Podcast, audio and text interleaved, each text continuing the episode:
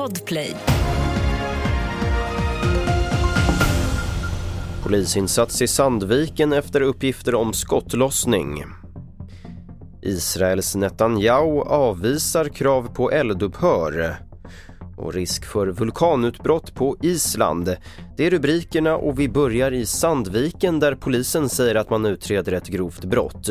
En insats är igång i stadsdelen Barsätra och avspärrningarna beskrivs som stora men polisen är i övrigt förtegen om vad som hänt. Enligt Gävle Dagblad hörde ett vittne något som lät som tre pistolskott vid 06.30-tiden. En teknisk undersökning har inletts.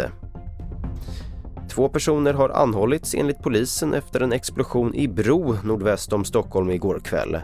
Larmet kom vid tio-tiden och ett enfamiljshus fick mindre skador.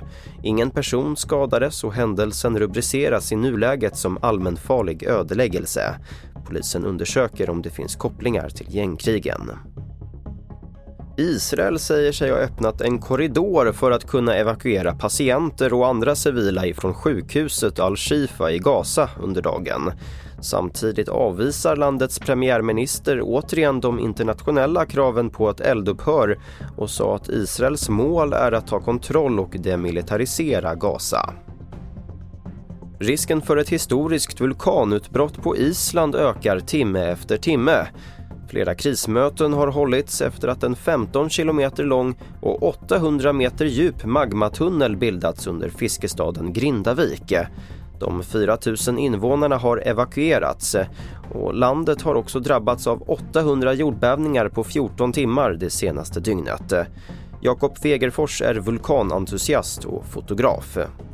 Eh, vi har, haft ett, vi har haft vulkanutbrott här nu regelbundet de senaste åren men det här är väl egentligen det första vulkanutbrottet som eh, ser ut att kunna bli ett riktigt hot. Så att det är en rätt nervös eh, stämning helt enkelt. Vi vet inte riktigt vart det kommer ta vägen.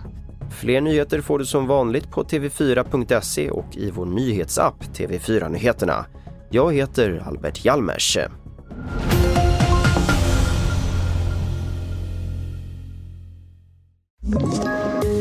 Poddtips från Podplay. I fallen jag aldrig glömmer djupdyker Hasse Aro i arbetet bakom några av Sveriges mest uppseendeväckande brottsutredningar. Går vi in med hemlig telefonavlyssning och, och då upplever vi att vi får en total förändring av hans beteende. Vad är det som händer nu? Vem är det som läcker? Och så säger han att jag är kriminell, jag har varit kriminell i hela mitt liv men att mörda ett barn, där går min gräns. Nya säsongen av Fallen jag aldrig glömmer på Podplay.